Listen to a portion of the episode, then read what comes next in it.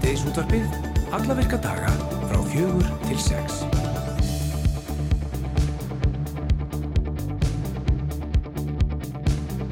Já, og það er Andri Freyr Viðarsson og Guðrúndís Emilsdóttir sem að stýra þættinum í dag. September er alþjóðlegur vitundavakningamánuður um PCOS og á dögunum þá byrti Elísa Ósk Línadóttir varaformaður PCOS samtaka Íslands grein á vísi sem hafði yfirskriftina Ert þú hluti af þessum 70%? Og þessi fyrirsögn vakti aðtiklokkar hér í síðihjölduminu og uh, við ætlum að taka fyrir PCOS eða fjölblöðru eggjastokka heilkenni í þættinum. Og fá til okkar þær Elísu Ósk og Guðrunur Útstóttur formann PCOS samtakana á eftir til að fræða okkur um þetta heilkenni sem að hrjáir 8-13% kvenna. Já. Svo er það Rebecca Katrín Kat Ostenfield sem við heyrðum í hérna í sýttiðisöldorfinu í mæ á þessu ári og hún er náttúrulega mikil dýra kona og þá var hún með eh, krumma á aukslinni sem var gott sem alltalandi það var þetta svolítið feimir enda í beitinu útsinningu en, en saði eitt af annað samt sem öður en uh, nú ætlum við að heyra, heyra í henni vegna þess að það er háerningur sem er eh, strandaður í gilsfyrði fyrir vestan og hún er búin að fylgjast með hann síðan í gær og við ætlum að ringja hann eftir og hver veit nefnum hún verði bara reynilega á staðnum að reyna að koma hann út í sjó Já, hver staðan sé á þessu máli. Já, Haldán Örnólfsson fyrir um aðstofa skólamestari verkmyndaskólans á Akureyri og nú kennar við skólan byrti grein á akureyri.net í gær og fyrirsök greinarinnar er eftirfarandi sveltur til saminningar. Í greininni þá veltir Haldán því fyrir sér hvort að mentaskólan á Akureyri hafi verið fjársveltur frá því að stytting framhaldsskólanáms niður í þrjú ár tók gildi árið 2018. Skoðar hann í greininni hvernig sjöstæstu bóknámsskólum hefur vegna á þessu tímabili og fer yfir þær áskoranir sem að skólanir hafa glýnt við og segir hann niðurstöðuna sláandi. já.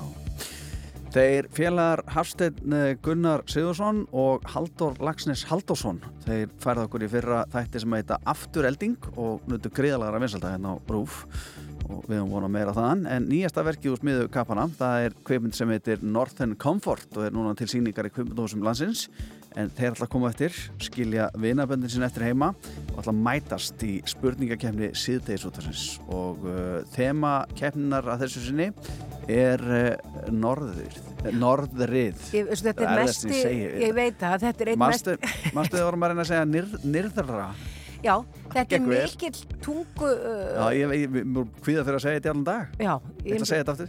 Það er þema kefnar í dag er norðrið já, við erum ekkert að gera okkur þetta mikið öðvöldra fyrir því við erum líka með fjölblöður og eggjastokka heilkenni, ég Já, áður já. eftir einhvern tíma, Já, já. tafs á því einhvern tíma hérna á Það eru eftir. gott er þessi þáttu klárast. Já, uh, og uh, svo er þetta, það er verið að setja upp nýja íslenska leikjarð byggð á einni þekktustu barnabók heims og þetta er verið að gera þetta í hörpu. Bókin sem að umræðir, hún kom út ára 1942 og hefur allan tíð notið mikill að vinselta og komið út af yfir 40 tungumálum og selst í miljónum eintaka. Og við erum náttúrulega að tala um Palla sem var einn í heiminum. En eina svona Já, og hann kemur til okkar á eftir maður sem er að fara að leika Palla næstu misirinn og hann heitir Ólafur Áskisson og ætlar að segja okkur miklu betur frá þessu.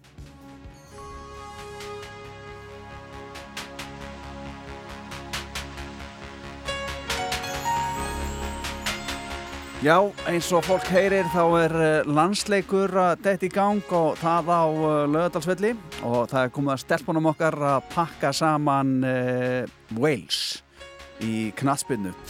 Við höfum oft verið með íþróttafrætta menn á svona dögum til að segja okkur eh, nýjastu tíðindi og hver er á bekknum og hver er meittir og allt þetta. En þessu sinni erum við komið með vallarþul íslenska kvennalandslinsins og það er okkar eigin Hulda Gestóttir. Sæl og blessuð og velkomin í sýtisóttabíðið. Já, takk fyrir það, gaman að vera komin hér aftur. Já, Hulda, það er, eh, já, þetta er svona einn af þessum dögum sem þú ferð í hlutverk eh, vallarþular. Já, Það er ekki allir sem vita það að þú ert bara hinn eina sanna þula uh, íslenska kvennalandsins. já sko, það, það eru uh, nokkur misseri síðan að ég fekk þetta hlutverk sem að ég er afskaplega stolt af. Já, Mér finnst alveg óbúslega gaman að tengjast þessu flotta liði af því það er alveg meiri áttar og flottar fyrirmyndir stelpunar okkar í knaspinnilandsliðinu Mhm. en það er auðvitað Palli, eh, Pál Sævar sem er röddinn og er búin að vera vallarþulur kalla og kvenna já, mjög mjög lengi og hann er kalla megin og, og ég uh, kvenna megin og svo getum við svo sem hjálpast að og skipst á ef að, ef að þarf Mhm. en uh, það er ímislega sem að vallaþulunni þurfa að gera sem Já. að fólk kannski átta sig ekkit alltaf á Akkurat. þegar það situr þarna úti og, og við til dæmis uh, og Palli er nú útasmaður eins og ég líka á, á, á bylgjunni og við til dæmis sjáum um að spila alla tónlist já, með leikin á já. Veljum hana og, og spilum hana fyrir leik, í upphittun, í háluleik, eftir leik og svo framvegis. Þannig að þið þurfa að leggjast yfir svona stemningstónlist. Já og bara svona, svo er alls konar pælingar í þessu, ég menna það er meira af börnum og fjölskyldufólki ofta á kvennaleikjónum, þannig að maður er kannski ekki að spila mikið af tónlist sem er mert með svona E-merki, explicit Já, akkurat, akkurat. og, og, og ég er svona að reyna að spila svolítið líka af íslensku og ég reyna líka að spila svolítið já, að tónlist að konum þegar við erum að, fylgjast með stelpunum okkar. Já. Við þurfum líka að sjá til þess að þjóðsöngvandi fari í loftið Mm. og svo erum við þarna, við erum hann í litlu búri þarna uppi efst í stúkunni og með alveg frábæri teimi, það eru þarna uh, félagar sem að sjá um skjáin Já. Og þetta er, það er ótrúlega gaman að, svona fá aðeins að sjá þetta baktera megin skipula í kringum svona landsleik því að þetta er meiri háttar undirbúningur og það eru allskins handrit og papírar og Mhm. tenglar og upplýsingar sem við fáum til þess að vera með allt á hreinu og það þarf að fara eftir alls konar reglum, ekki bara KSI heldur líka, uh, það getur verið UEFA eða FIFA, þessi stóru alþjóðlegu sambönd sem eru með alls konar reglur þannig að, að það er ímislegt sem að Já. gengur á bak við tjöldin sko. Það er kannski margir sem halda að þú sittir bara uppi með eitt brísar á kantinum en það er bara aldrei ekki svo. Það- Þetta er mikil vinna heyrist mér. en þetta, það er eins og bara fín hugmynd sko. Já, já, já, já, kannski eftir leik. En varst ekkert með pínu, ég bara fyririldi manum þegar þú fórst og varst að gera þetta í fyrsta sinn því að þetta er alltaf mikið. öruglega, öruglega, en samt er þetta bara skemmtilegt og það er eins með þetta verkefni eins og öll önnu verkefni í lífinu, hvort sem að maður tekur að sér að standa á sviði á stórtónlingum og kynna eða, eða gera hvað sem er halda ræðu ég hef bara alltaf haft það svona sem viðmið að, að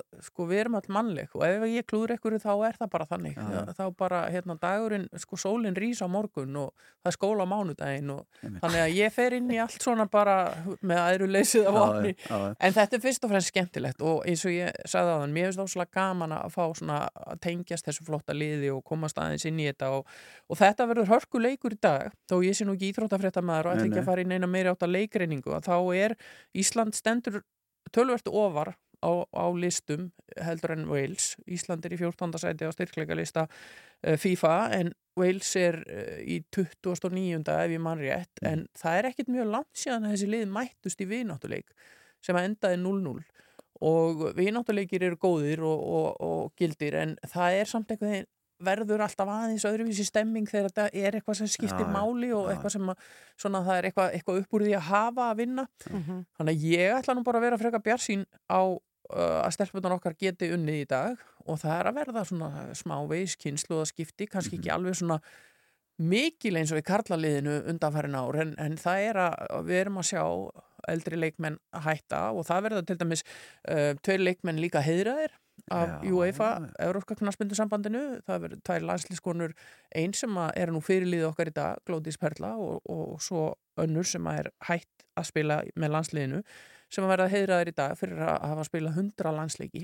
Og, og þannig að þetta er, verður hátilegt og skemmtilegt. Hulda, sko, veilsku stelpunar, eru þær með flókin eh, nöfn til að eh, henda út? Eh, sniðut og nefnið þetta þetta er eitt af því sem ég þarf að hugsa um sem akkurat. og stundum erum við að spila við þjóðir þar sem að framburðurinn er allt annar en maður horfir át á blaðinu og þá fæ ég stundum eitthvað úr hinu liðinu kannski aðstofamann eða búningastjóra eða, eða aðstofaþjálfara eða liðstjóra eða eitthvað svona úr, úr þeirra teimi til að kíkja timmin í klefan og hreinlega fara yfir þetta með mér já, já. og ég mann til dæmis er við spilum við Íra fyrir ekki svo löngu síðan þar var ótrúlega, voru ótrúlega mörgnöpp sem að eru allt öðruvísi í framburði heldur en á blaði þegar maður les þau með sínum íslenska lestararframburði Mhm. Svolítið að það er, er gott ráð Já. og þá skrifa ég bara niður eins og ég heyri. Já, já, Til þess að- ég reynu þetta að fara með þetta sem réttast og, og, og þetta er eins og ég segi þetta er, enn, þetta er svona eitt af þessum verkefnum í lífinu sem maður lærir eitthvað nýtt á Mhm, og það gerir þetta svo skemmtilegt. Einmitt. en það sem ég langar að segja áður en ég kveði ykkur að Já. því ég þarf að fara að mæta Já, hana já, niður til já, já, er stuttileik. sko, leikurinn er vissulega í beinni útsendingu hérna hjá okkur á Rúf með alveg eðal teimi sem heldur utan um það Mhm. en það er bara fyrir þá sem komast ekki þarna niður til Akkurat. ég vil sjá fólk í dalnum Já. á eftir, leikurinn byrjar klukkan 6 og til dæmis erum við spiluðum í uh, sumar þá komu stelpunar að símamótinu það komu 3000 stelpur eða eitthvað í, á leikin og þetta skipti svo gríðalegu máli þá voru þarna komni 6000 og eitthvað áhorundur og þetta bara liftir liðinu upp Já. og þannig að ég segi við ykkur á núti við eigum öll góða úlpu á Já. Íslandi Já. ef það er aðeins orðið svalt Mhm. húa, Já. vettlingar, samt vettlingar sem hægt að klappi helst leður akkurat og mæta Það, það þú er hægt að hafa bara teppi. Já, teppi, Já. bara, þetta er ekkert flókið og það er fínasta veður þó að það sé kannski aðeins svalt en það er engin rigning og það er ekkert rók bara mæti lögadalinn, leikunum byrja klokka 6 áfram Ísland. Þetta segir Vallatölan Hulda Gerstóttir, eh, takk kjallaði fyrir kominu sítið svo þetta og gangið vel eftir útsending hefst hérna á Rúf klukkan 17.52 áfram Ísland. Við erum Rástfö Fyrst og fremst með þér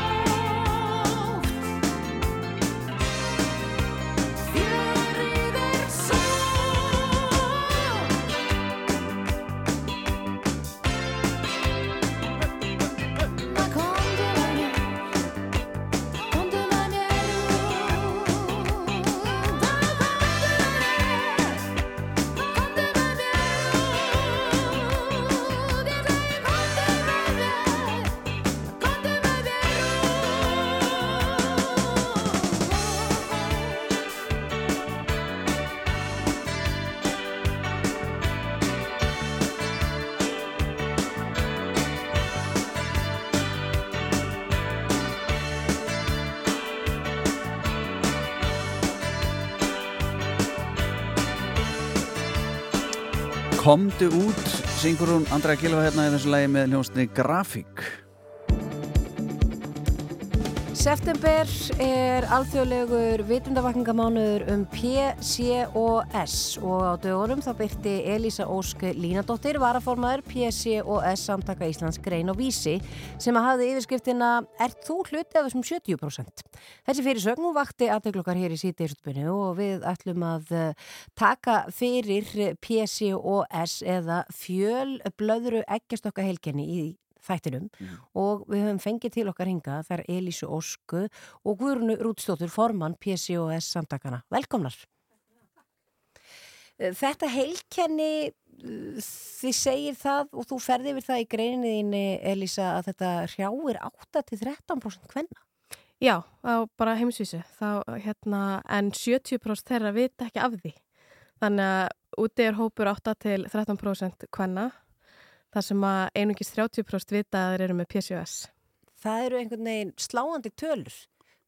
Getið þið bara byrjað á því fyrir þá sem að vita ekkert um þetta helginni að útskýra fyrir okkur hvað þetta er? Já, þetta er sem sagt ein algengasta innkirtla röskun sem hrjáir konur og það er alltaf að tala um konur á batnegna aldri af því að þetta hefur ekkert verið rannsakað eftir, eftir breytingaskeið og uh, hún veldur því aðalega að konur geta ekki haft eglos og það er kannski það sem hefur mest verið rannsakað en hún hefur fleiri enkenni eins og til dæmis uh, konur eru með, oft með ofhá gildi karlhormóna í líkamannum sem að veldu því að það er sapna skeggi, eru með auki hárlós á höfði, fá svona hálgerar unglingabólur og sapna kviðfytu frekar heldur en fytu á rass og læri.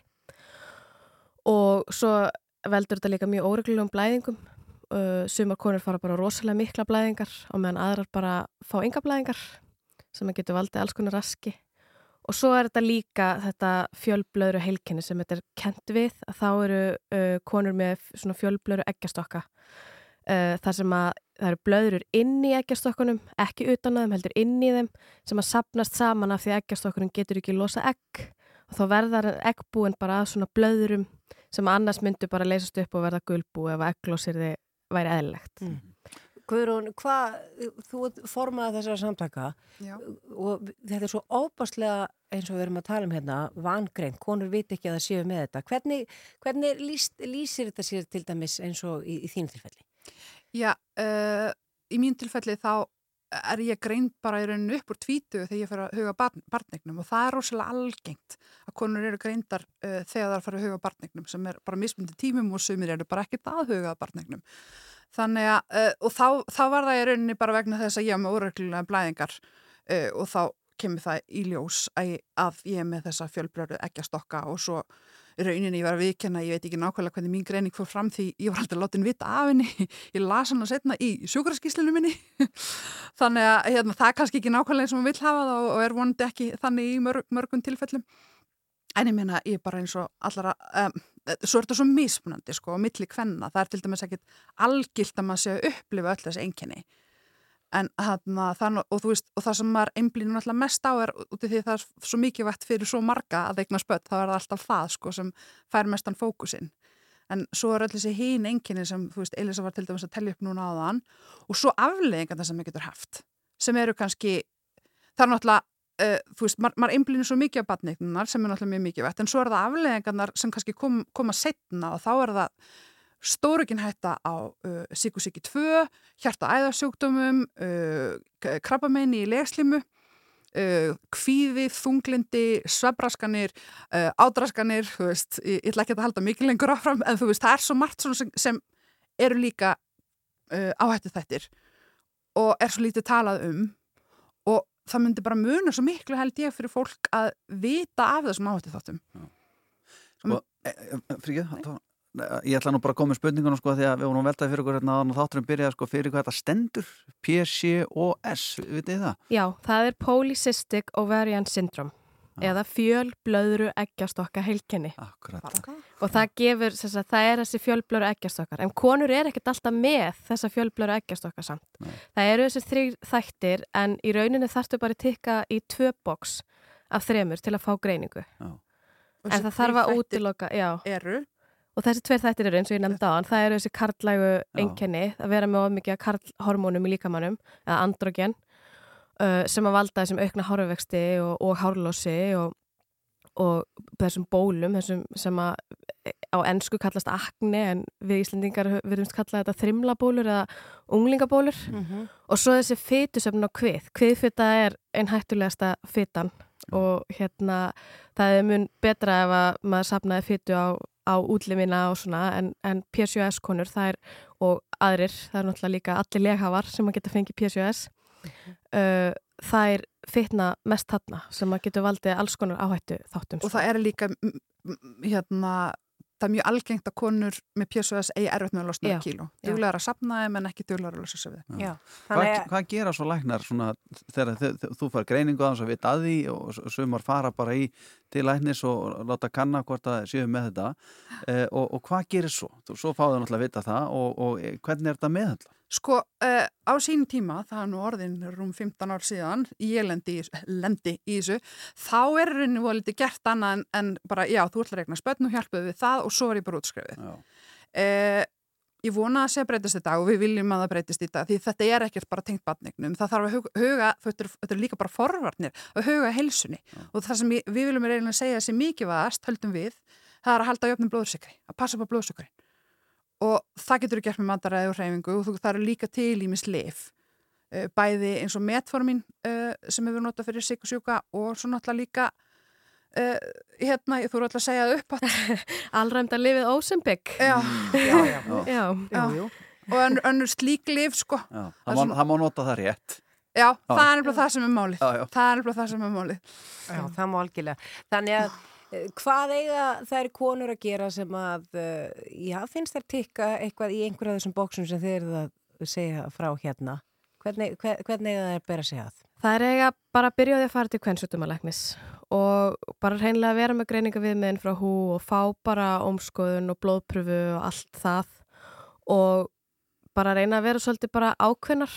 Það eru alveg margir kvennsjutumalæknis sem eru skýrðisíkir og, og hérna og sem betur fyrr er þetta nú aðeins að lagast en við viljum bara að konur hugja þessu fyrr. Við erum að heyra allt og oft í stelpum og konum sem eru kannski 29-30 ára að greinast uh, löngorna kynþróska og eru kannski búin að vera að lifa við, með þessum kvillum eins og til dæmis bara átraskanir, bæði búlimía og svo sagt, svona lotu afátt. Það er mjög algengur fylgikvilli og rosalega lág sjálfsmynd og þetta eru svona Já. andlegir kvillar sem að ef að konur væri búin að fá bara skýring á sínum málum og rétta aðstóð, næringafræðinga og annara fyrr, þá væru þar kannski búin að við bæta lífsgæði sín fyrr. mm. Ég er heppin, ég hef búin að vita þessu síðan ég var 19 ára. Já, en það er ekki allir það hefnir. Nei, Nei. en ég, hérna, en var- það held samt bara fyrst að það væri batnegnir. Þú veist, Já. uh, en það er ekki allir þarna, sko. En þess þá heldur mikilvægt að vera með svona vitundavakningamánuð og á morgun þá er... Uh, morgun eru við með rástefnu já, Uh, hún verður í fróða, sal íslenskara erðagreiningar frá 1-4. Uh, við erum með fjóra flotta fyrirlesara. Arna Guðmundsdóttir Inkirtla fræðingur. Hún verður með uh, fyrirlestur um PSS, uh, greining, uh, greining og PSS. mm Uh, Guðmundur Arason, uh, fæ, fæðingalæknir, nei, hann er kvennsugtumalæknir og Inkirtla sérfræðingur. Hann verður með fyrirlestur um ófrásemi. Uh, Alma, Ellen? Ellen, Ellen Alma Tryggvadóttir verðum við fyrirlestur um næringafræði og hérna Bjargei Ingolstóttir verðum með svona pepp fyrirlestur. Já, ég kallaði góða muna þetta Já. allt sem að blæðlust, ég segi þannig bara. Það voru æsispenndi Uh, og getur með hver sem er, með allir mæta þetta? Endilega, allir að mæta, það er ókipis fyrir hérna, meðlemi í samtökunum og helbriðstarfsfólk Já. og þúsund krónu fyrir aðra. Þetta ljóma mjög vel, bara takk fyrir að koma enga til okkar, Elísa Ósk Linadóttir og uh, Guðrún, uh, hvað er ég með þig hérna? Jú, Rútsdóttir, já. afsakaður, frá PCOS samtökunum og gangi ykkur vel á morgun. Takk hella, takk fyrir að lega okkur að koma.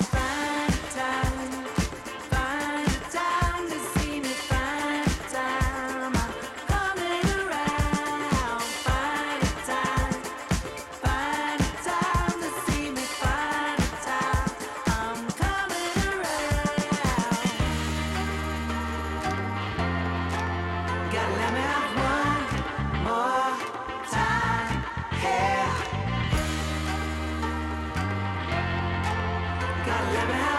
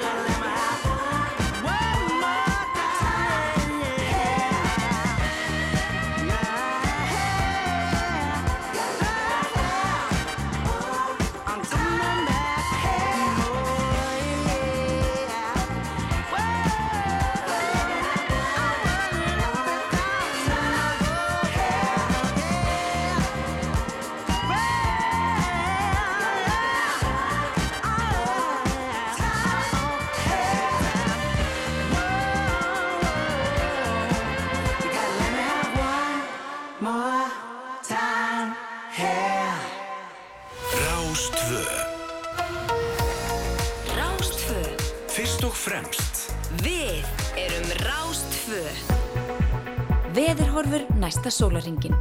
Hulda Geistóttir, vallarþölur eh, íslenska kvennalandslinsins í Gnatsbytum var hjá okkar áðan og segja okkur frá því að eh, það væri bara fínt viður og, um að gera að drífa sinna á völl. Eh, Þetta nú ekki beint staðaspáðan svo sem en veðrið er gott í kringum laugadalinn og það er bara að mæta í ágætis úrpu og eða til að taka með hanska hafið þá helst leðurhanska, betra klappið þeim. Það var niðurstaðan. En hvernig, Gunna, lítur þetta út næsta sólringin ef við tökum bara all landið? Getur við það? Það er austlæg eða breytilega átt 3-10 metrar á sekundu og skýjað að mestu. Það eru stöku skúrir eða jél við norður ströndina en sumstæðal til væta sunnan til og það er austan og, og suðaustan 5-13 á morgun. Mm. 13 til 18 við suðuströndina undir kvöld og víða rigning og slitta Jæja, til fjalla. jæja.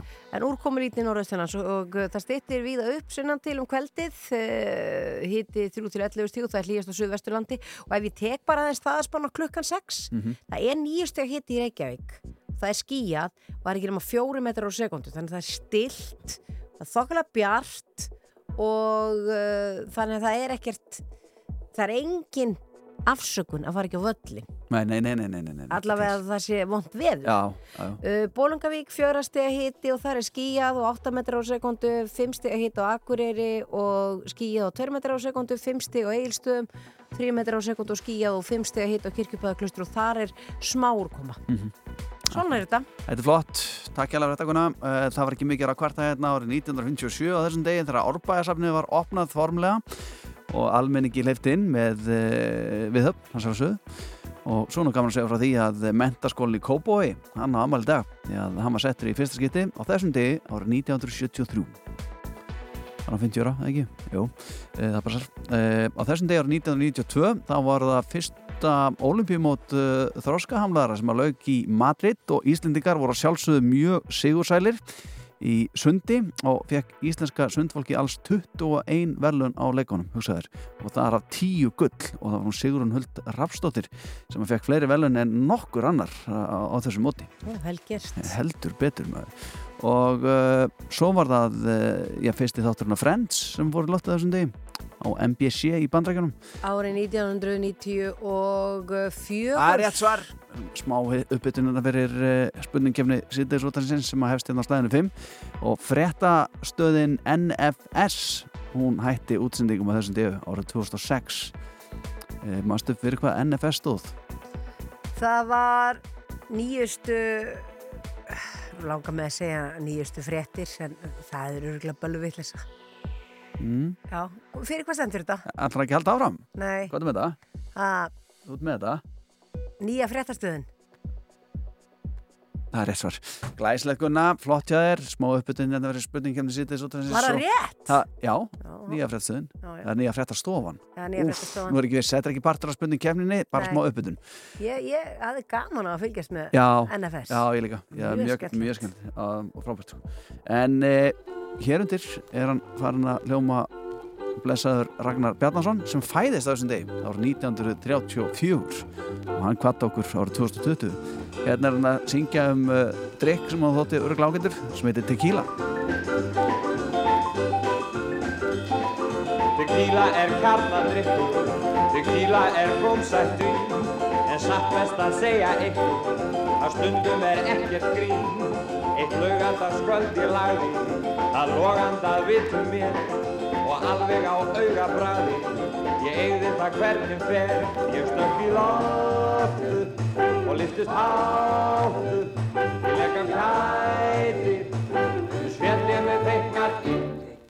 Tequila er kjarnadrykkur, tequila er gómsættu, en slíkt til að sanna ykkur, ég segi ykkur aldrei mín.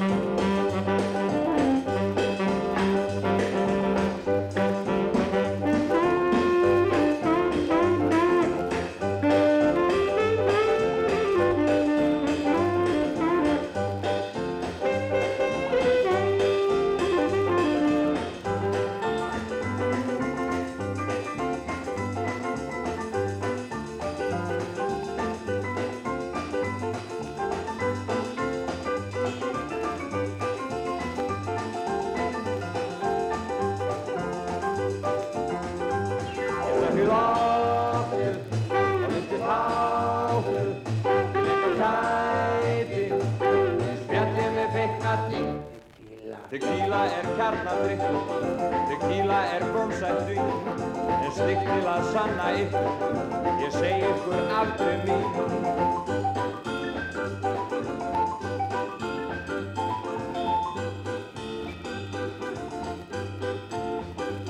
Já, ammælstæður Ragnar Bjarnasonar er í dag, Ragnar Bjarnasonar og þetta laði Tequila. Við að fara yfir allt annað við ná. Við ætlum að fara yfir í allt aðra sálma við uh, uh, hún Rebecca Katrín Kat Ostenfeld er á Mhm. línnu hjá okkur. Hún er mikill dýra unnandi, við höfum áður heyrt í henni hér uh, í sítiðurstubinu, þá vorum við að heyri henni og hún var að spjalla við okkur á samt altalandi hrafni. Mm En uh, við erum hins vegar að heyri henni núna, þar sem hún er stött fyrir vestan í Gilsfyrði, því þar uh, strandaði háhyrningur og uh, okkur leikur forvitni á að vita hver staðan er þarna og heyra þessa sögu. Sæl og blessu, Rebecca. Já, góða dag, aftur þinn að rætta þetta. Ég standa þetta í Gilsfjörði. Hvað segir þau? Gilsfjörði. Uh, Og heyr, ég standa þetta í Gilsfjörði. já, það það heyrir svolítið illa í þér, Rebecca. Já, hérna, Þetta er betra. þetta er betra. Já. Já, já, ég standa hérna fyrir vestan og hérna er ég nú bara halvi mita frá alveg óbúslega falleg. Ég heyri kannski hérna, hún, hún kalla svolítið. En hún hérna, þetta er háhýtningur, einn uh, mjög líkleg uh, ungan skvísa, eða hú, konur, fyrir hvað þetta er svolítið svona, svolítið erfitt að horfa upp á, að mann ekki bara geta lift hérna og setja hann út í hjörun aftur. Já, já, það, En hún er stranda núna, það er fjärða núna, svo hún er bara á landi, bara á, leggja bara um Mhm. Þannig að þú ert búin að vera að horfa upp á dýrið eh, fast, það er strand eins og segir og, og eh, það er fjara og uh, það er nú eitthvað að fólki búið Já. að að reyna að, vinna í þessu eða hvað, segja okkur hvað er búið að gerast Já, þetta er sko bara alveg rosalega flott. Ég er að horfa minnstu kostu 20 mann sem hérna er að reyna að grafa upp. Við erum að setja vatn á henni, það er komið teppur á henni, svo við getum að setja vatn á henni, halda henni blöytan og kaltan, mm rakan og hérna, og, og þetta byrja, alls öfari byrja í gær þegar eitthvað fólk tók mynd af að það var strandað kval hérna í, kvalna í, ekki kvalsvið, góðu daginn, í já, og, og þegar ég tók eftir þessu þá bara fór ég strax á staðinum til að aðtöða fyrir maður á, á þá tíma svo erfitt að koma á staðinu þá drullu uh, ég komst ekki almennilega að með núna í morgun þá var hún bara búin að synda hérna úr allt. Já, og björgunarsveitinu frá bæði Búðardal og Reykjólum er búin að vera hérna og búin að ná hérna ja, hún var nú búin að synda hérna því miða aðeins næ landi og er, hún er bara píkfast núna já. Uh, hún leikja bara hérna skrissan já, já. Er von á flóði? Já, það er, reynda það er ekki fyrir en held ég bara í, núna er alveg meist fjarra sem hætti er svo það er bara orðið vatn á henni og, og hérna svo við bara það er, sjóður er bara ekki finnið kvöld og það er með skilst á Björgunarsveiti kallin sem er hérna í ára hann Kristján Ingi.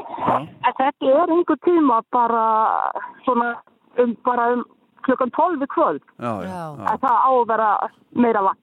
Eh, það er að koma flóð, Haldið þið að hún á að synda út þá? Það er ekkit vist. Getur, ég held að hún getur ekki einn út af því hún fór lengra upp í fjöruna en frá ég sá henn hérna í gæð. En hún, hérna, hún er svo frisk. Hún, hún, hún er að tala, hún er að feyfa sig. Það er greinilega, hún andar mjög vel og við er bara með jápæð. Hún lítar svo vel út já, og hún er ekki slatað neitt. En ég held að svona hugmyndin er að reynir eftir einhver tíma að kefa tjóð aftur að reynir að ná að setja eitthvað net og eitthvað til að reyna að lifta henni upp og, og draga henni út einhver veginn í, í kvöld þá. Já, þannig að Rebecca, við meðum rekna með að þú verðir þarna fram yfir miðnætti í kvöld. Já, minnst gott, já, það er kannski aðeins að skulda krakkana heim en þá, já, hún er í, hún er í góðu hönd með fullt af fólk og ég veða nú hérna pokkett með annar fótinn. já. Það er alveg 100%, hún, hún er, þetta er alveg, já. Við eh, vonum bara það besta Rebecca og þakkuðum kjallaði fyrir að Já. spjalla við okkur inn í síðdeisúttöpi. Já, Mm. bara mín ánað og, og hérna, eins og að segja, hún er, já, já, bara takk fyrir að heyri okkur og, og ég geta sagt ekki að það er fullt af frábær fólk hérna sem er, er að vinna alveg rosalega góðu vinnu. Já, Já, það er gott að heyra. gott að heyra. Eh, Já, þetta er gott. Svo við vonum það besta. Já. Enginn er búin að gefa upp. Nei. og Það er gott að heyra. Hvað er, hvað er vestur? Bless, bless.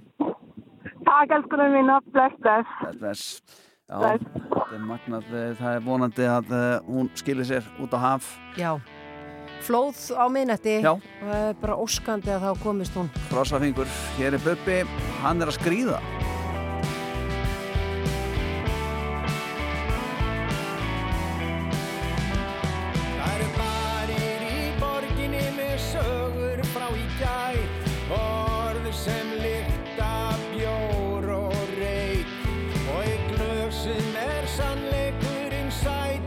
Og glær Og engin drukkin ásta sem er far í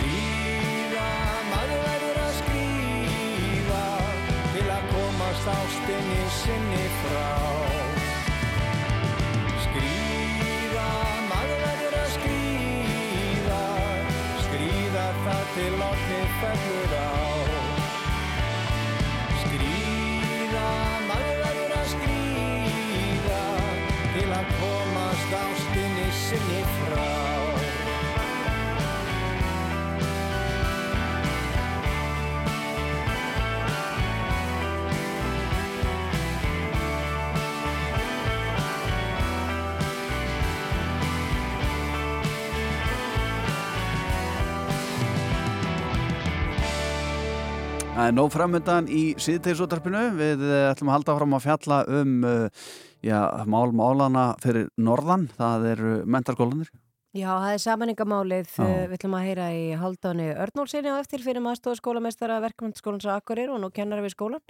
Hann byrti grein á akureyri.net og fyrir svo greinarinnar er eftirferandi sveltur til samanningar, spurningamerki. Mm -hmm. Við ætlum að ræða þetta við hann á eftir. Akkurat og uh, svo er það uh, Palli sem var einn heiminum. Hann er að fara á svið og við ætlum að kynna okkur það rækilega. En uh, það með sann að segja að það er mikil spenna hér í herrbúðum síðdeisútarsins og ekkert skrítið. Það er það yfirleitt þegar við ætlum að fara að demba okkur í spurningakeppni sem við ætlum að gera hérna rétt á eftir og uh, það er þema. Það er hvað? Norðrið. Hvað sér þau? Norðrið. Það er rétt þér, það er þemað í spurningkefninni og það er engin annar en Halldór Lagsnes Halldórsson og uh, Hafsteinn uh, Gunnar Sigursson sem ætla að uh, keppa í þessari keppni hérna eftir. Og það er eiginlega allt klárt sko. Við ætlum bara að hleypa fréttastofuna þetta klukkan 5 eftir örfáða mínútur og svo ætlum við að setja allt í gangina það var alltaf vel að ræsta þetta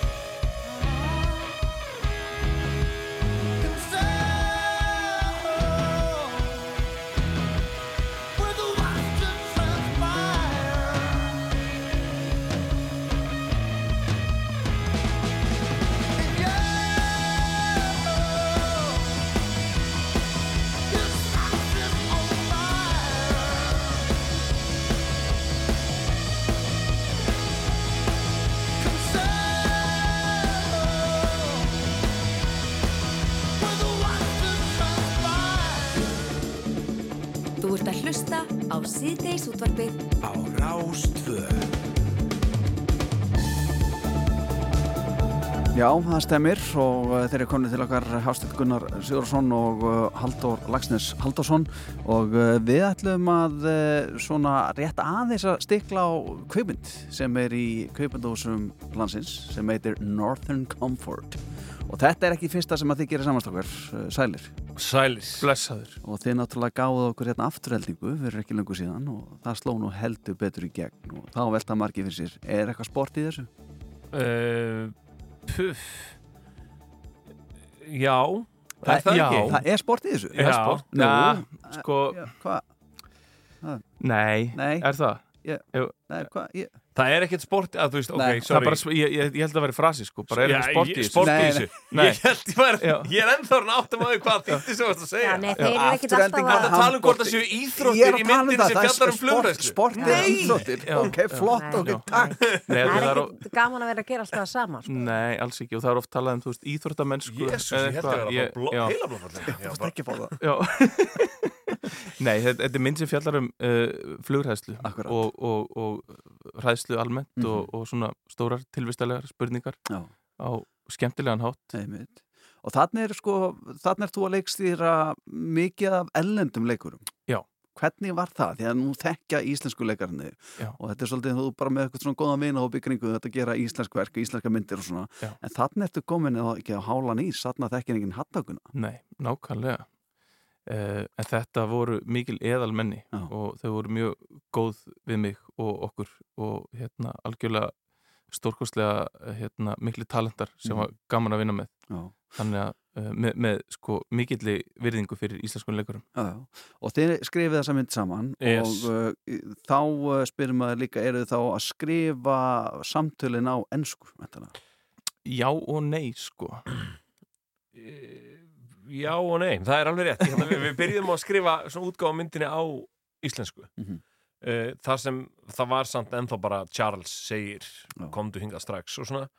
Uh, og það var svo þýtt og í raun eftir að svo þýðin kom þá fórum við að, að gera, farið við allar breytingar inn á ennsku og svona og svo kom hérna eitthvað fullorinn og fór yfir eh, hérna Já og, og breskur höfundur bættist Já, í hópin breskur höfundur, sko, að, að við vildum hafa líka breskan höfundan með, sagt, með í teiminu bara til að, að hérna, eh, tungumæli væri allt satt og rétt og, og svona næði ákveðnum núansum. Já, Svo er þetta að fara, er það ekki á breska Netflix? Jú, Jú. Jú, Þetta fer á breska Netflix. En, Breska Netflix, hvað, Já. hvað er það? Er, erum við með það? Nei, við erum ekki með það, við förum bara í bíó Já, já, já, já sem, akkurat, sem betur akkurat. fer Þetta er mjög klókt hjá þeim, sko. Já. Við fyrir í bíó en. Fle, flestir fari í bíó í Evrópu uh, það er enda bara uh, hún er bara Netflix í Breitlandi en annars En staðar hún er í bíó í, Fraklandi og, og Þískalandi og bara uh, you name it. You nei name fyrir it. ekki talaði einsku Já, herru, you name it, herru, einmitt. Bunch of money, megasinda mættir. Alveg rólegist en það er náttúrulega fössari, þetta er allt í góðu. Það er rétt, Ég veit það.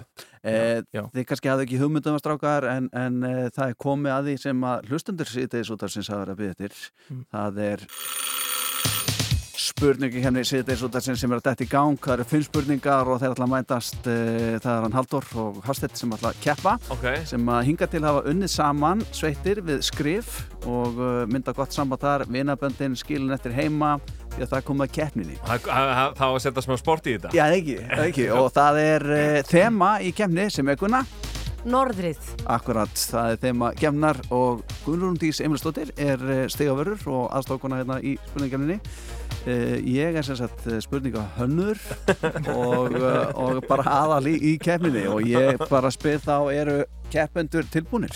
Já, já, já, eins og hægt er. Ég vissi ekki af þessu samt Nei, ég, Nei, nei. ég veit, Gunnar var að spyrja mér þetta um hvort þið vissu þessu. Ég sagði fatta- við ég, ég, var, ég, glemdi, ég glemdi að láta vita. Það er allt í góð Hann sagði það, nei, það er- ekki hugmynd. Já, það er líka bara mjög gott af því annars hefðu við mögulega farið að kvíða þessu. Ég veit það. en nú hefur við bara engan tíma til þess. Einmitt, bara búið að vera fýtt dagur Æðislegur, sko. algjörlega. Og ég getur valla vestna Akkurat, akkurat. Jó, og, hann getur nú vestnað, Já, já. allt í góð.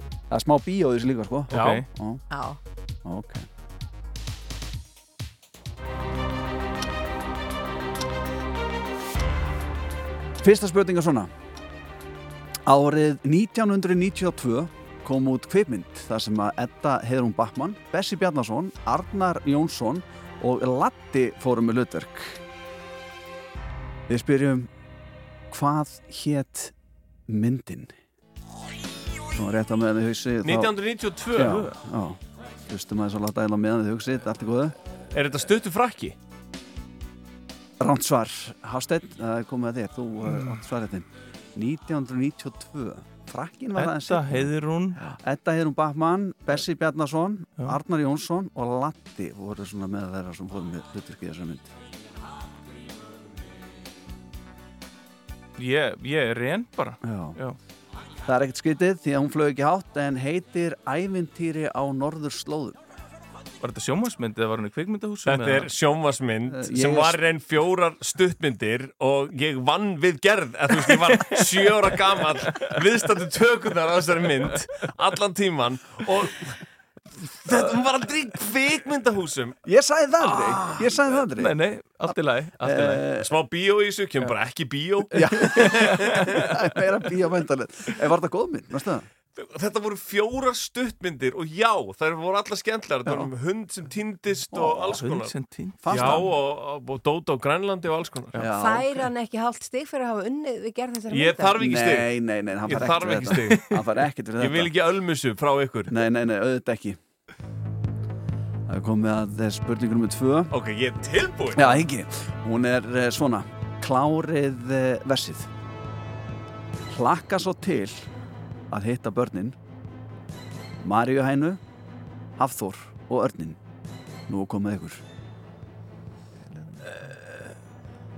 Klippa smá og líma um,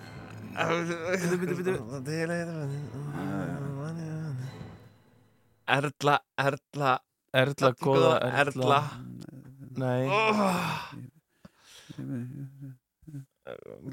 Nei, klippa smá og líma sko Býtu uh, uh, Hlakka svo til að hitta börnin. Nin. Maríuhænu Hafþór og Örnin Já, það er það, það drýpur að þeim svitinn, það er verið að hugsa. Hausarnir er að vinna. Mm Ekki vera að googla. Ekki vera að googla. Uh, Já. Gunnar, þegar þú ert farin að ókýrast og vilt að menn fara að hætta þessu byrli, þá lætt þú bara vita. Já. Annars getur verið hérna í allan dag. Já, Já, ég er ekki með þetta. En ef þið syngið þetta Hlakka svo til að hitta börnin. Maríu, hænu, Hafþór og Örnin að eitthvað klippa smá líma. Snýja heim í heiðan. Nei, nei, nei, hann er að trubla mig Já, ég veit sko, hann það, er að ég trufla veit mig. það Eh, nút fyrir Já. löngu síðan strákar en það kemur svo vinna upp tíma klippa smá og líma eins og hann hastið var að segja hérna í eldingaleik fram á hátta tíma. tíma. og þetta er náttúrulega Nákvæmlega. aðarlægið úr kveipmyndin í Paris Norðarsins Nákvæmlega. Hann er fóð það. Þannig að skömm þín er mikil. Staðan er 0-0 Segju hver varst að vinna hérna á okkur bíómynd Ég var sjö ára. Ég var sjö ára. Ég var ekki að vinna Það voru fóruður mínir. Er, er ekki hálfstig fyrir klippa Nei, smá nei, og nei, líma? nei, Nei, nei, nei, nei, ekki hálfstig. Við ætlum að, við ætlum að dempa okkur yfir í þriðju spurninguna og uh, þegar hún klárast þá við að fara þessi við stígin.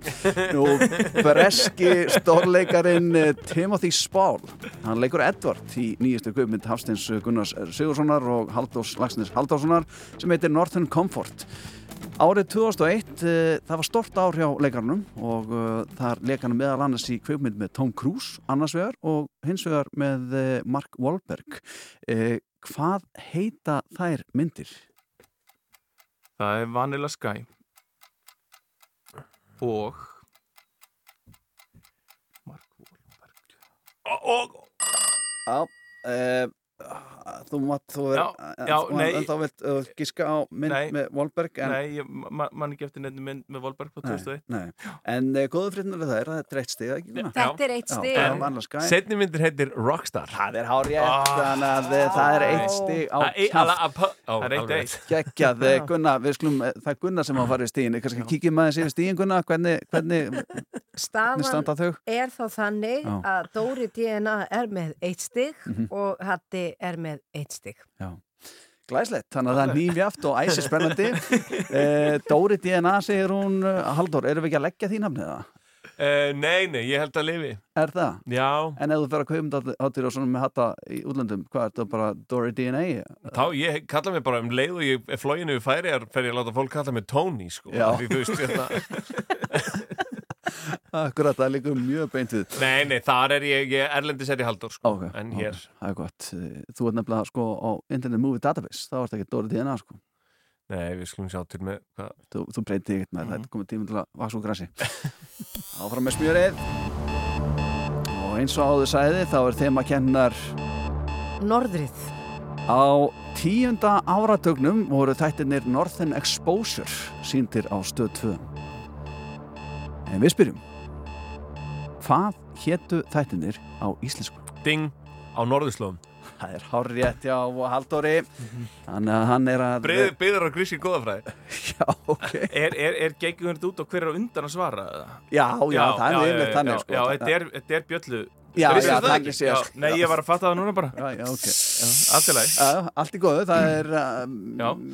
já, það er En nóg að stigum eftir í Það er pottinum. eftir í fóturinn, þetta er jafna eða skítapa. Og ég, akkurat. ég, ég er hann heitur. Já, já, ég veit, ég er með Ég- eina auka spurningu sko, til vonar að vara ef það var í jafnt, jafntefli sko, og hver veit að mér hendinni bara út að nú er Dóra orðin mjög heitur sko. Við skulum uh, upp okkur í þetta. Mhm. Árið 1981 kom út íslensk samplata Á henni voru lög með Purki Pilnik, Fræblónum, Þeisurum og fleirum. Hvað heitir platan? Rocky Reykjavík. Ránt. Þetta var nefnilega svona, þetta var gildra sko. Já, já, ég, veit, ég ég veit það, alveg ég hvað veit að gera þennan sko. Ég veit ekki hvað hún heitir. Nei, e, allt er góða með það. Hún heitir uh, Northern Lights Playhouse. Nei, Já Þarna var ekki að taugadeldin vá, Já. ok. Ok, ég skal gefa, nei, býtu, ég skal Já. gefa Hatta eitt tæki frá jafnunda um um auka spurningu. Já, geggja, Ok. þetta, þetta kann ég að með það Já, en bara því að það er fössari, sko. Akkur, akkurat, akkurat. Uh-oh. Það er komið að loka spurningu Spurningu kemni síðdeis út af sinns Og uh, þemað er Norðrið. Við spyrjum. Hvenar var Norræna húsið í Reykjavík opnað? Hvaða ár? Við spyrjum ártal Ef að hafa skekkjum eitthvað þessu eða hvernig? Ég myndi segja að við værum með fimm, Fimm ára ár? skekkjumörk. Ekki svona mikið Fimm ár, ok Já, hún er aðstofakonun hefur talað, það eru fimm ára Ok. okay. skekkjumörk Ok Norræna húsið, það er magnað hús 1900 og 70 Hvað segir Dóri? Ég segi meira 1980 Það er rámt uh, Hatti var að ná sér í stig Yes. sem er agalegt af því að uh, Nú er engin auka spurning eftir. Nei, Nei, en við, En við, verður við, ekki með við, hófum þetta jafnir Já. og enduðum jafnir og, uh, En hver, má ég fá nákvæmt ártal? Já, það er mitt komið að lokum hérna í spurningkefni síðdeis og hann vil fá nákvæmt ártal, hann sagði 1970 en það er 1968 sem að dyr Norræna húsins opnast og, og, er búið að standa opinn álega síðan. Uh, Guðrúndi Semelsdóttir, ef að kíkja aðeins yfir stígin? Já, stígin standa þá þannig að uh, Haldur Lagsnes, Stóri DNA eða Tony, uh, hann er með tvö stig og Hattikunni er með uh, tvö stig. Þetta er aðeinslegt, þetta er frábært, eh, þetta var virkilega gaman að fá okkur yngar í sittis útverðistrakar og taka á þessari drengilegu kemni. Við stóðum okkur báðir frábælega. Uh, við hvetjum fólk að sjálfsögðu til að fara í bíó og kíkja á Northern Comfort og uh, hva, í hvaða kveipmyndósum hún er nokkrum Já, þú getur farið í Bíó Paradís Já. eða Smára Bíó eða Laugararsbíó eða Kringlu Bíó, allt eftir hvar þú býrð á Já, höfuborgarsvæðinu og, jú, og síðan held ég að hún sé fyrir norðan líka og einmitt já. í, í þema. Í norðrinu? Í norðurinu Akkurat, og mér langar bara að áreita þetta er mynd sem er gott að sjá með fólki. Mhm. það er betra að sjá hana með sal Já. Er, er þetta, eh, við myndum segja að þetta væri gaman Já, þetta er gaman þetta er komedía Já. bara alveg Já, ég meina þeir sem að, ég þekki sem að fara á hana sem hún sem mjög fyndi. Já, hlæja bara. Fólk veltist um. Já, það var markmiðin nátt. Eh, takk hjá þetta stakar og góða helgi. Takk Takk.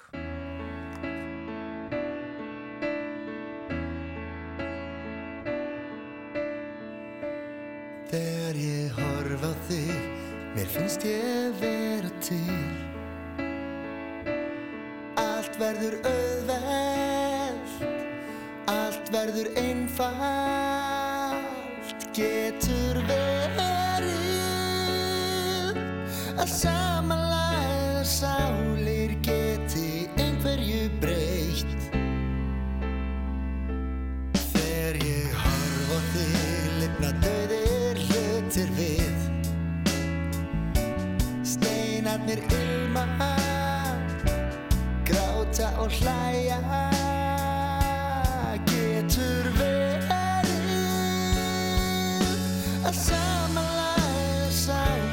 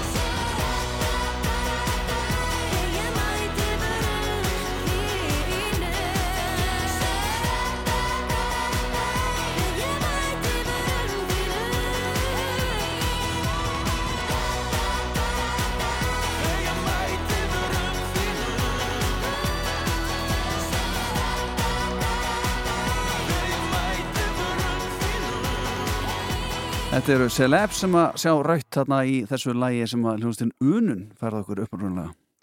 Haldán Örnólfsson fyrrum aðstofskólameistari verkmyndaskólans á Akureyri og nú kennar við skólan byrti grein á akureyri.net í gær.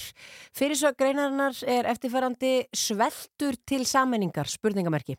Í greininni þá veltir Haldán því fyrir sér hvort að mentaskólan á Akureyri hafi verið fjársveltur frá því að stytting framhaldsskólanáms niður í þrjú ár tók gildi árið 2018 og skoðar hann í greininni hvernig sjöstastu bóknáms skólunum hefur vegna á þessu tímabili og fer yfir þær ások- áskoranir sem að skólanir hafa glýmt við og hann er á línu hjá okkur, kontur sæll og, og, og blessaður haldan. Já, sælblessuð. Þú gerir þarna samanburð á milli árana 2018 annars vegar og 2022 hins vegar. Eh, Hvað er það sérstaklega sem þú ert að bera saman? Saman uh, þróunina á annars vegar heimild skólana til þess að uh, hérna uh, innrita eða vera með ársnemendur eða þar að segja hversu marga nemendur þeir mega vera með í, inn, inn í skólanum á hverjum tíma í fjárlögunum. Og uh, síðan er ég að bera saman uh, hvernig þeim hefur vegnað fjárhagslega þar að segja hvað framlögin til þeirra hafa breyst á þessu tímabili. Mm Þú talar um það þarna í greiniðinni að uh, það hefði alltaf verið ljóst að stytting náms til stúdenspróf myndi fela í sér miklar áskoranir fyrir framhaldsskóla uh, sem að byggja fyrst og fremst á, á bóknámi. Hvers vegna er það? Já, það er náttúrulega meðan að skólanir voru með fjögur ár til stúdensprófs þá voru þetta náttúrulega fjórir árgangar sem voru í gangi á hverjum tíma. Svo fækkar þeim niður í þrjá. Og þegar að uh, styttingin hefur tekið gildi að fullu að þá svona uh, fræðilega séð gatt þetta þýtt svona fjóruðungsfækkun á nemyndum í bóknámsskóla, það var kannski ekki víst að færi alveg þannig, en í tilfelli mentaskólans á Akureyri þá, þá er það þannig að eiginlega nákvæmlega eða nokkuð, nokkuð negin fjórðungin af sínum ársnemyndum eins og þetta er nú kallað eða Mm hugsað. Já, og þú talar um það þarna að mentaskólinn á Akureyri fari einhvern veginn verð út úr þessu ferli hvað varða nefndafjölda og uh, uh, fjárvetningar eða þér sýnist það allavega á þessum uh, rannsóknuðinum? Já, sko, þetta er náttúrulega í sjálf og sér ekki stórkostlega rannsóknir, þetta er bara samanburður á, á tölum sem að, sem að eru hirtar fengnar úr annars vegar fjárlögum og hins vegar úr ríkisreikningi eða ársreikningum skólana og uh, það sem að hérna uh, ég er að sjá þarna er að hinnir sex skólanir af þessum sjö stóru bóknámsskólum sem ég kalla að þeir eru að fara heldur skár út úr þessu eða, eða með öðrum, öðrum orðum.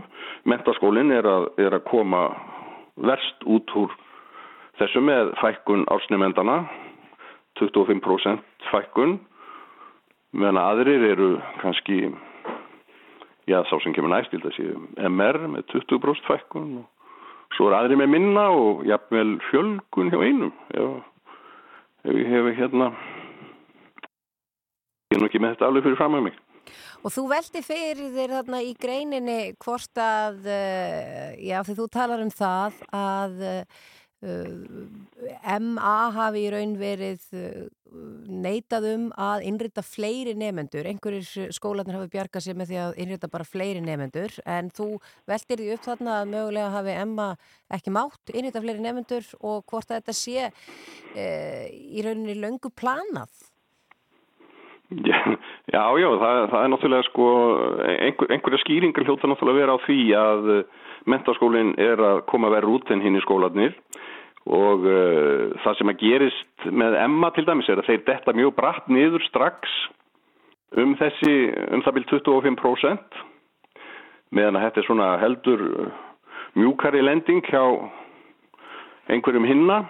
Og uh, og jú, jú, maður, maður náttúrulega veltir því fyrir sér af því að þessi skólar eru nú svona frekar líkir eh, innbyrðist, þannig séð, þetta eru, þetta eru skólar með námt til stúdinsprófs, þetta eru Þetta er jú bæði bók, þetta, þetta er bæði, einhverju þeirra er með bekkjarkerfi, aðrir með áfokakerfi, það er einhver, einhver munur en eh, í- svona í stórum dráttum þá ættu þessi skólar að vera að fara svona svipaða leið í gegnum þetta. Þetta voru náttúrulega miklar áskoranir og, og miklar remmingar í raun og veru fyrir þessa skóla og uh, það er eins og að uh, það hafi verið settur svona stífari taumur á Emma heldur en suma aðra. Já. Það, ég, ég held að sé ekki þetta að voru það öðruvísi. Nei, en varðandi það Haldán, núna, hvernig heldur þú, að því nú þú uh, gamall, uh, já, aðstofaskóla mestari í, í verkmyndsskólanum, hva, hvernig heldur þetta saminningaferli muni ganga og, og hvernig heldur þetta endi? Nú hefur Karl Frímans, uh, ég dreigi sér út úr undirbúningsvinnunni, uh, skólastjóri, mentaskólas og akurýri, hvernig, hvernig heldur þetta farið að lokum? Já, ég vona nú einlag, einlaglega að uh, það verði bara hægt við þessa saminningu. Ég held að hún sé ekki, ekki ráðleg og mun ekki koma sér vel fyrir skólasamfélagi hér á Akureyri.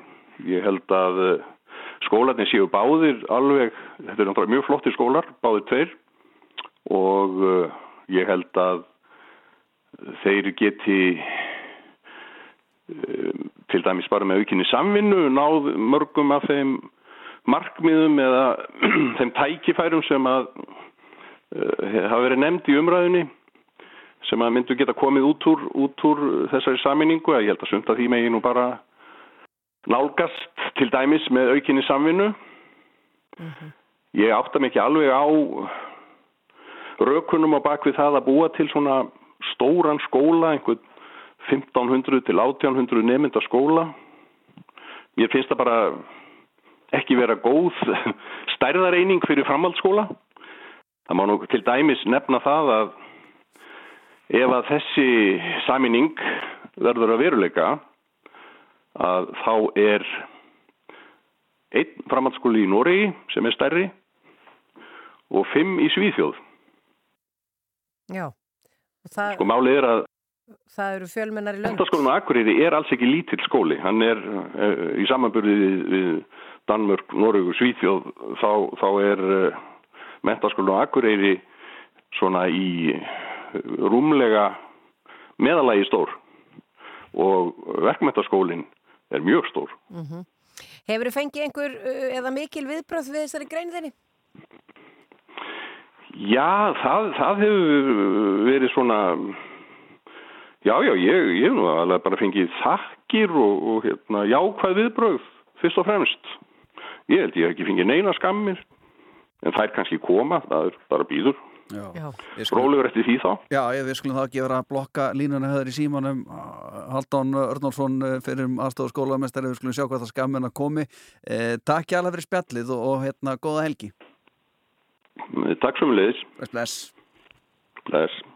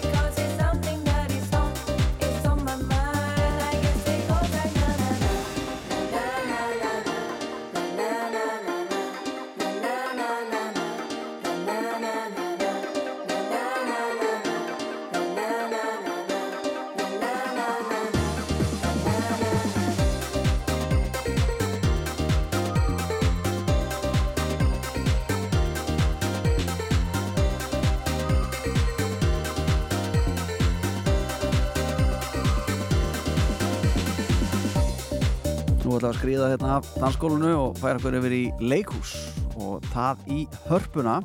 Því að morgun þá á frumsýna, já ég ætla nú bara að segja sko, eina vinsalistu barnasögum, eða ekki, bara allan að Evrópu. Þetta er allavega bók sem var skrifið ára 1942 Mm. og það er búið að setja hérna á 40 tungumál, selja hann í miljónum eintaka og hún verðist aldrei þetta úr tísku. Hún lifir, uh, þetta sagan um Palla sem var einn í heiminum, sem er að fara á svið og Ólafur Áskilsson, hann er leikarin, hann er Palli. Sæðla blessaður, velkomin. Takk fyrir það. Þetta er, uh, ég veist að vorum að ræða þetta meðan að þetta laga var í gangi, þá er þetta bók sem að, og saga sem við þekkjum Mhm. og bara flestir Íslendingar þekkja mjög vel. E, búið að lesa þetta mörg hundru þúsund sinnum hérna á landinu, ekki sko til mörgum miljónum sem búið að lesa þessu sögu hérna. Og uh, þetta er núna að á sviðið og það lítur að kvíla á þér mikil ábyrð að skila þessu þokkalega. Já, ég myndi nú bara segja að það er starfleikarans að að skila Er einhverju sögu, er ekki bara alltaf þannig ekkert eitthvað Nei, nýtt þar sko en, en jú, að þetta er, þetta er einleikur Já. þannig að það er kannski það sem er svolítið svona Mhm. aðalatriðið að, að það er engin annar sem er að hjálpa mér Hann er í heiminum. hann er einn í heiminum. Já, já, Já. Einmitt, einmitt. við erum svolítið búin að ræða hérna við sem erum að gera sýninguna, hann er svolítið eins og Elon Musk skilur hann bara gerir bara það sem hann langar til. Akkurat. Og, og hann er bara sjö ára skilji Já, já, einmitt, Er, er hún eitthvað, er það færa í stílinn, setja hana yfir í nútíman eða er þetta bara gamla góða sagan eða hvernig, hvernig er það að gera þetta? Nokkuð lauslega erum við að, erum við að staðfarna söguna til Reykjavíkur og í upphæflegu sögunni þá, þá fær hann eða þá óskar hann sér hníf í ammæliskjöf Mhm. og það er kannski eitthvað sem að börn í dag eru kannski ekki endilega að tengja við Nei, Nei, ég ætla þetta að vona ekki. Nei, Nei. nema ég, ætla ekki að Nei, nei, við þurfum ekki að að- segja hvar það Þurfum ekki að kryfja það nei, nei, nei. Nei, nei. kryfja, gott orð. Já, hérna, en hann óskar sér starf út af sem hann já, hjólabretti, hann óskar sér hjólabretti óskar sér að fá hjólabretti í ammæliskjöf og það er svona, það er svona stóra breytan myndi ég segja. Já. það er í rauninni ástæða fyrir fílukastinu sem hann fer í og, og af hverju hann óskar sér að vera bara einn í heiminum. Af því að það eiga allir hjólabretti nema hann. Aha. Og um, já, og svo eru náttúrulega engir, engir sporvagnar í Reykjavík. Nei, það hefur verið og, og engi borgarlína, hann að hvernig fóru það Já, því? það, það er bara strætó. Það er strætó. það er bara SFR Já, já, jú, jú, Ég það sé, er- ég sé það á myndin líka að það er hérna, Perlan er þarna.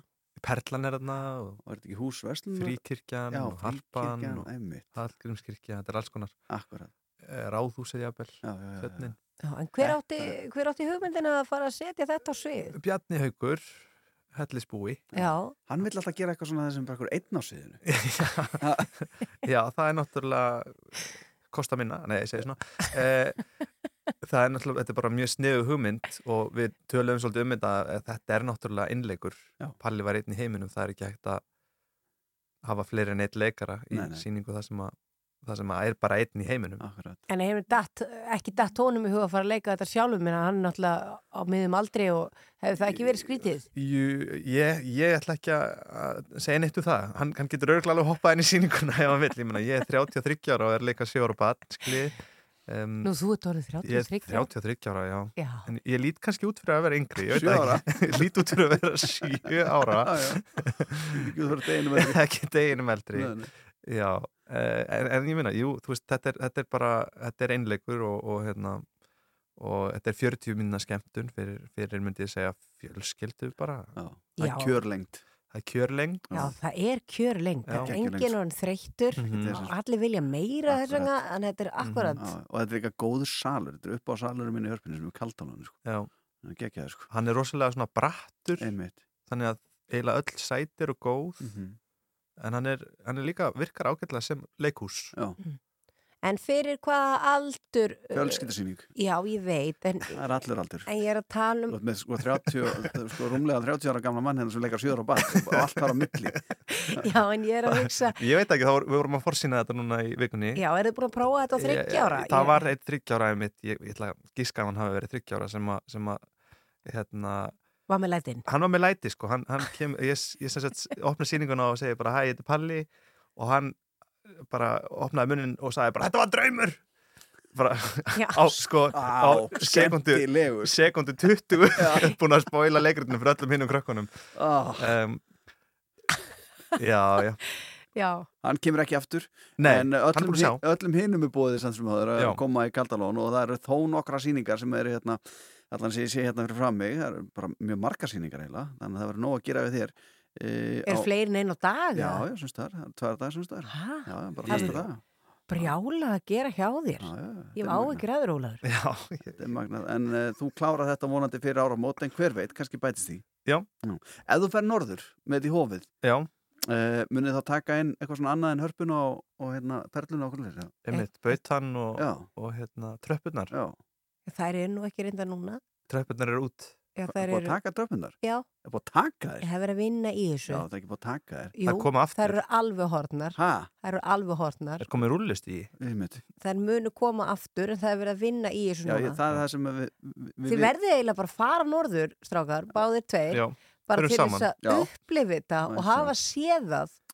Við getum farið hérna gilið er Þú, fa- þú, ég sé þú án trappana. Já. Þú er með smá eiðu hérna eftir 2004 september. Og skefur konur í pæðan eftir fyrir fyrsta átt. Geggjað. er Þetta er dánslegt, við segjum bara gangið me- vel með uh, þetta mestarverk hann uh, um hann Palla sem var einn í heimunum yes. og uh, fóreldrar endilega sko brýnað fyrir börnum ykkur á leiðinni niður til bara í bílastæðan hörpuð eitthvað ekki að vera að skemma fyrir hinnum þó þið ekki svona uh, Mhm. þetta var draumur og allt það en, en, en þú veist, bara ekki skemma fyrir hinnum þeir eru komin inn í hús. Uh, Ólaður Áskilsson, takk hjá Ég er komið að uh, hljómsdurinn Fogat og lag sem heitir Slow Ride